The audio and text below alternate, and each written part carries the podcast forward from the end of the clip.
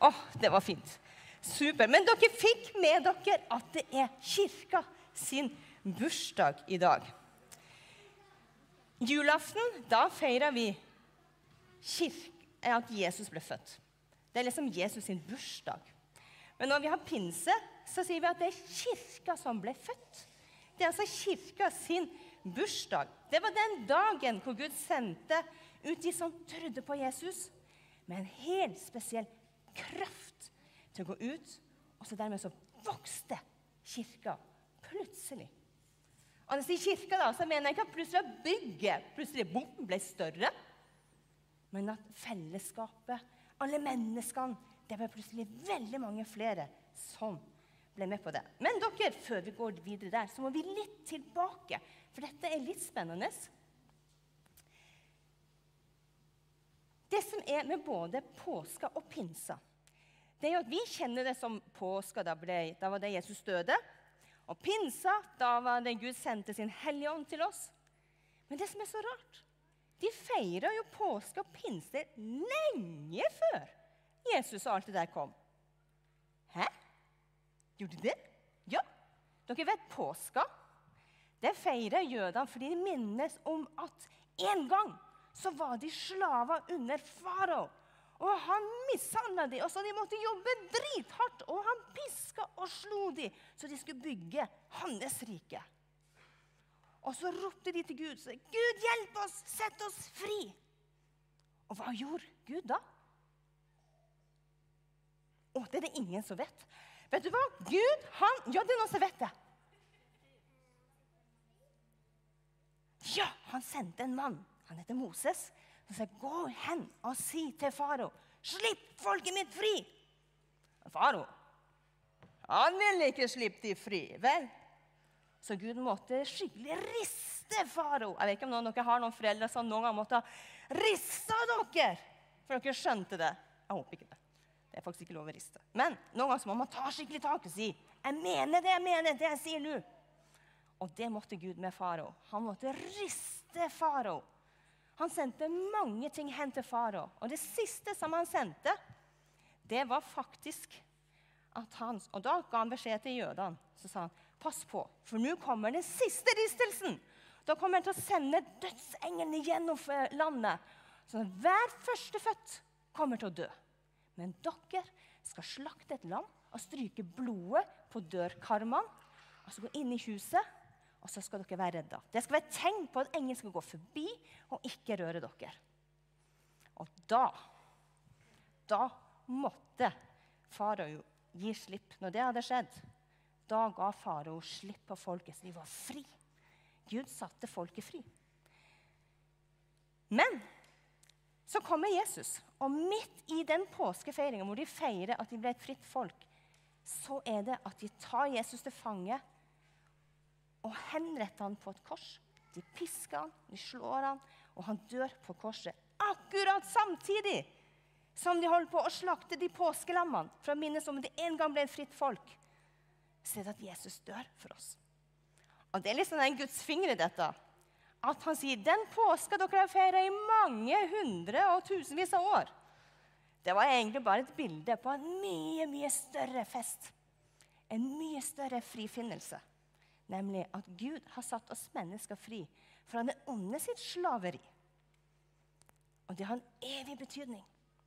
Og på samme måte så er det med pinsa. De feira jo pinse mange hundre år før Den hellige ånd kom.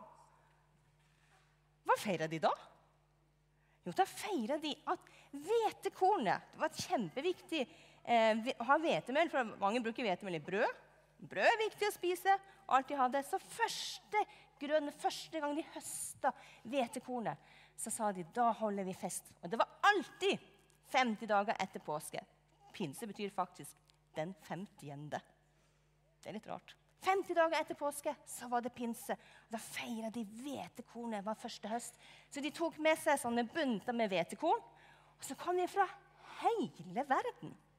Det var liksom ikke bare i Jerusalem, men det var en av de valfartsfestene som jødene holdt. Det betyr at alle jødene som var spredd i Det var noen jøder, de var spredd i hele verden. Da dro de til Jerusalem, hadde med seg korn, og så feira de høsten av hvetekornet. Og da er det Gud tenker Nå skal jeg lære dem hvorfor vi feirer pinse, som er mye, mye større den egentlige betydninga. Fordi at For ca. 2000 år siden så var det jo en gjeng mennesker som var samla. De, var, ikke så høye i hatten. Fordi at For 50 dager siden så hadde de jo drept Jesus. Det var litt skummelt. Jeg vet ikke noen, om du, hvordan du har hatt det hvis bestekompisen din ble drept. Og visste at her går det noen folk som kanskje neste gang så tar de meg. Så disse de holdt seg sånn, litt sånn, Vi holder oss litt sånn samla litt for oss sjøl. Og de var ganske redde, står det. Og så er det at denne dagen er det å si boom! Så kommer Den hellige ånd. Fordi de er samla, men Jerusalem koker av folk fra hele verden. Jesus han hadde sagt før han dro opp til himmelen dere må vente med å gjøre stort nummer ut at jeg er stått opp fra de døde, og alt det der, til dere får kraft. Jesus dere må vente til dere får Den hellige ånd sin kraft. For dere trenger det. Det er ikke musklene snakk om. Er det noen som har store muskler? Ja, det er fint. Vi har et par mannfolk her. skikkelig mannfolk. Så hvis noen trenger muskler, så har vi to stykker i denne forsamlinga som har muskler. Det er bra. Men Jesus sa, 'Vent til Den hellige ånd kommer'. Og da kan vi lese her. Da pinsedagen kom, var alle samla på ett sted. Det var liksom kirka. Alle var samla. Plutselig lød himmelen. Lød fra himmelen som når en kraftig vind blåser, og lyden fylte hele huset hvor de satt. Tunger liksom av ild viste seg for dem, delte seg og satte seg på hver enkelt av dem. Da ble de fylt av Den hellige ånd, og de begynte å tale på andre språk ettersom ånden ga dem å forkynne. Det stimla seg med folk rundt dem, for de var jo ikke akkurat alene. Det var jo kjempemasse folk. Og folk stimla seg rundt, for de hørte det suste. Og hva er det som skjer? Jo, nemlig alle disse hørte jo disse menneskene fortelle om det Gud hadde gjort på deres eget språk. De var jo fra forskjellige plasser i hele verden. Hæ? Nå, nå, nå, plutselig noen som snakker mitt språk, skikkelig nordnorsk, om Jesus. Eller skikkelig sørlandsk om Jesus. Eller skikkelig rumensk. Eller skikkelig afghansk. Snakka de om Jesus. Og de hørte, og de tok imot. Og den dagen så var det 3000 mennesker som ble lagt til kirka, står det. Hva var det som egentlig skjedde? Skal vi blåse i den, så ikke den plutselig fyr? Hva var det som egentlig skjedde? Jo, for flere hundre år siden, før Jesus ble født, så var det en profet som heter Joel, og han skrev at en dag en dag så skal Gud øse ut sin ånd over alle mennesker. For det hadde ikke skjedd. Det hendte på den tida at Gud av og til holdt sin hånd eller la sin ånd over noen mennesker, så de fikk kraft. Men det å øse ut sin ånd over alle mennesker, det hadde ikke skjedd ennå. Men i dag, pinsa for mange 2000 år siden, hvor det var en hel gjeng som feira innhøstninga av hvetekornet, så er det at Jesus, Gud øser ut sin ånd. Og så dermed så sier han du, det er en innhøstning av det kornet det er jo bare et bilde på en mye større innhøstning som Gud holder på med. Nemlig høsten av mennesker til Guds rike. En stor frihetsfest til Guds rike. Men så har jeg tenkt på en ting. Jeg vet ikke om du har tenkt på dette, men jeg har tenkt på dette. Hvorfor er det ikke at vi feirer kirka sin fødselsdag første påskedag? Det var jo da Jesus sto opp fra de døde. Det var jo da han sa wow, dødens makt er brutt. Og samme kveld som Jesus hadde stått opp, så han, eller når disiplene var samla, så kom han hen til dem, og så pustet han på dem, så sier han, 'Ta imot Den hellige ånd'. Og vet ikke, Nå har jeg faktisk eh, prøvd å lese Bibelen på gresk. Og vet dere hva det står der?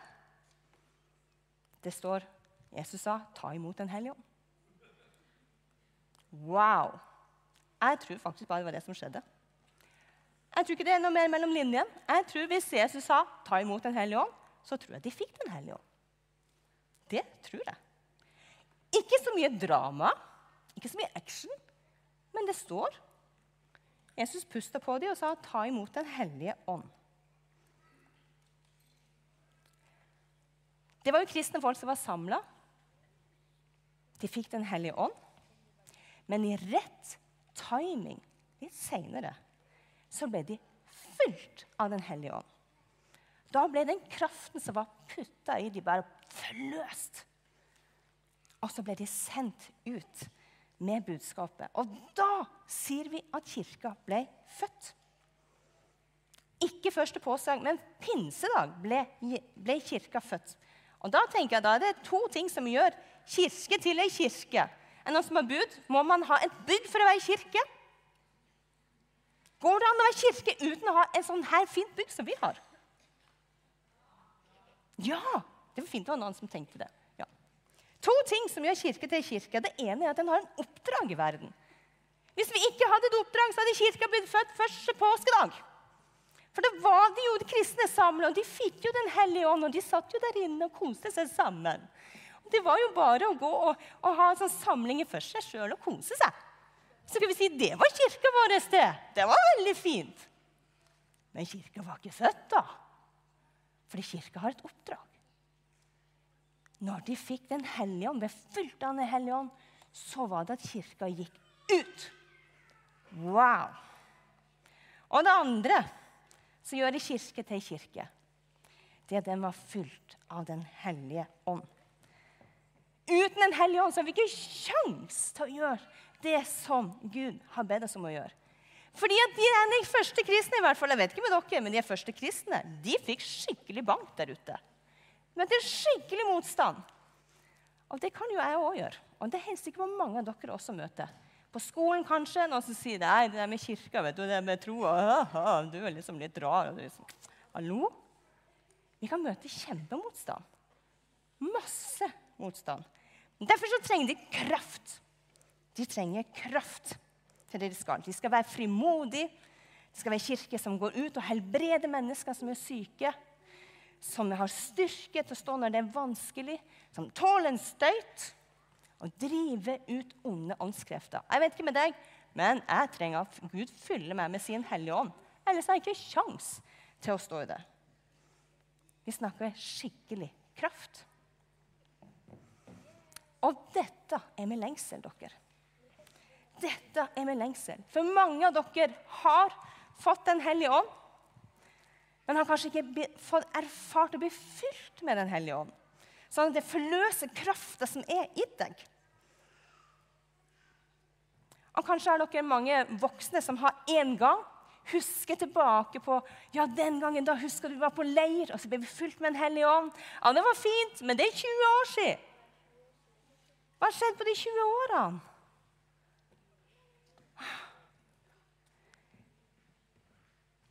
En som heter Arthur Robertsen, som eh, er med å holde sånne møter på Vigeland. Mange av dere kjenner til at det har vært sånn vekkelse nå.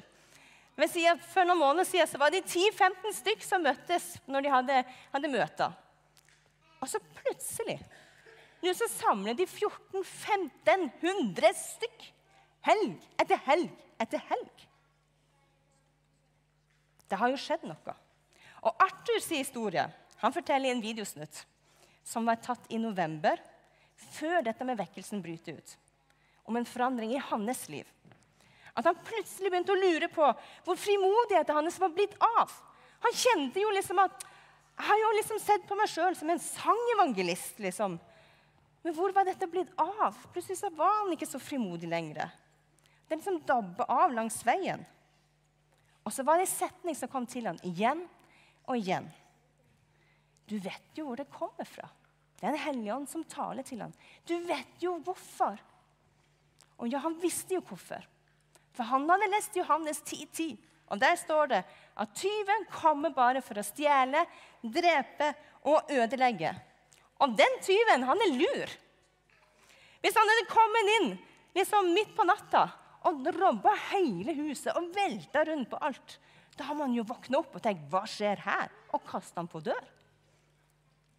Men Arthur forteller historier som sier at den tyven han er ikke sånn. Han er lur. Han kommer inn og napper litt, og så litt, og så litt, og så litt. Og så merker du ikke, for det er tomt.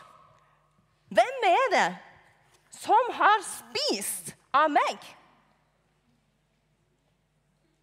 Og det ja, det, var, jeg vet, det var avtalt. Hvis noen satt og tenkte hun har ikke styr på ungene sine. De var bare avtalt, ja. Men Arthur han kom til et punkt der han sa vet du hva? Nok er nok. Og Så gikk han ut på den lokale musikkforretninga og kjøpte gitar og forsterker. Og så sa han nå skal jeg begynne å holde møter igjen. Og så, noen måneder etterpå, så sier det bare bom! Men allerede da, i november, før det brøt ut, så forteller han nå kjenner jeg gnisten komme tilbake. Hva er det tyven har nappa litt og litt av deg? Hva er det du ser tilbake på og tenker en gang så hadde jeg det sånn, men nå er det ikke sånn lenger? Frimodighet det gjør ikke alle til sangevangelister med en spesiell musikksmak. Men frimodighet det gir deg kraft til akkurat det som Gud har gitt til deg at du skal løpe med. Vi snakker ikke om en sånn menneskelig selvtillit hvor jeg skal ta meg sammen og si jeg skal bare stole på meg sjøl og tenke at yes, jeg er bra. Nei, vi snakker om en åndskraft som setter deg fri og gjør deg modig med det som Gud har gitt deg. Og det kan se forskjellig ut. Ja, vi går tilbake litt. For noen kan det se ut som en sånn eh, bål eller en sånn fyrverkeri, og det bare sier bom! Og du ser masse det er noen som måtte ha masse farger, og de gjør masse ut av seg. Sånn har Gud skapt mennesker også. Men så er det andre som ikke opplever at det skjer så mye action i et øyeblikk. Men så skjer det masse likevel. Det ser kanskje mer ut som en løvetann. Jeg vet ikke om dere har sånne irriterende løvetenner som bare ikke lar seg kue. Som vokser opp gjennom asfalten. Du har prøvd å trampe dem ned, prøvd å rive dem ut. Og de vokser likevel. Og så er de jo så søte. Og så er de jo så myke. Du kan ikke si at en løvetann er arrogant. De er så myke og likevel så sterke at de står igjennom alt. Og sånn er når Den hellige ånds kraft får lov til å virke i oss. For noen ser det ut som et øyeblikk med masse kraft. For andre så står det gjennom ting som er vanskelig med stor kraft til å blomstre likevel med det Gud har gitt. Og det er min bønn om at våre barn og våre ungdommer som har hørt om Jesus, og som kan alt, også skal bli fylt med Den hellige ånd. Skal få merke at Den hellige ånd har en kraft i deres liv. Og så er det en bønn om at de voksne også For det er mange voksne som lengter etter å få en erfaring av Den hellige ånd også skal få det. Og de som står litt imellom sånn Ja, en gang så hadde jeg det, men det er ikke så mye igjen av det. At noen som sier 'Sør nå, nå er nok nok', og tør å ta et oppgjør, sier 'Nå, Jesus, fyll meg på nytt'. Skal vi ikke be om det? Eller vi skal reise oss opp. Så vet vi at Her er det folk i forskjellig alder. Så er det, ikke, det er ikke noe aldersgrense, verken nedre eller øvre, når det kommer til Den hellige ånd. Hvis du kjenner ja, jeg trenger Den hellige ånd i mitt liv. Så kan du bare gjøre sånn. Og så ber vi. Kjære Jesus, du har sagt at uten deg og uten din kraft så kan vi ikke gjøre noen ting av det du har kalt oss til. Og Nå er vi i kirke her, og vi feirer at du en gang for 2000 år siden sendte Din Hellige Ånd og fødte kirka. Og nå ber vi igjen om at du skal fylle oss med Din Hellige Ånd. At du skal binde oss sammen med Din Hellige Ånd at du skal sende oss ut, så vi ikke bare blir opptatt av oss sjøl, men går med det budskapet du har gitt oss å gå med. Sånn som du har skapt oss, hver enkelt på sin måte. Kom, Hellige Ånd, og fyll oss igjen. I Jesu navn.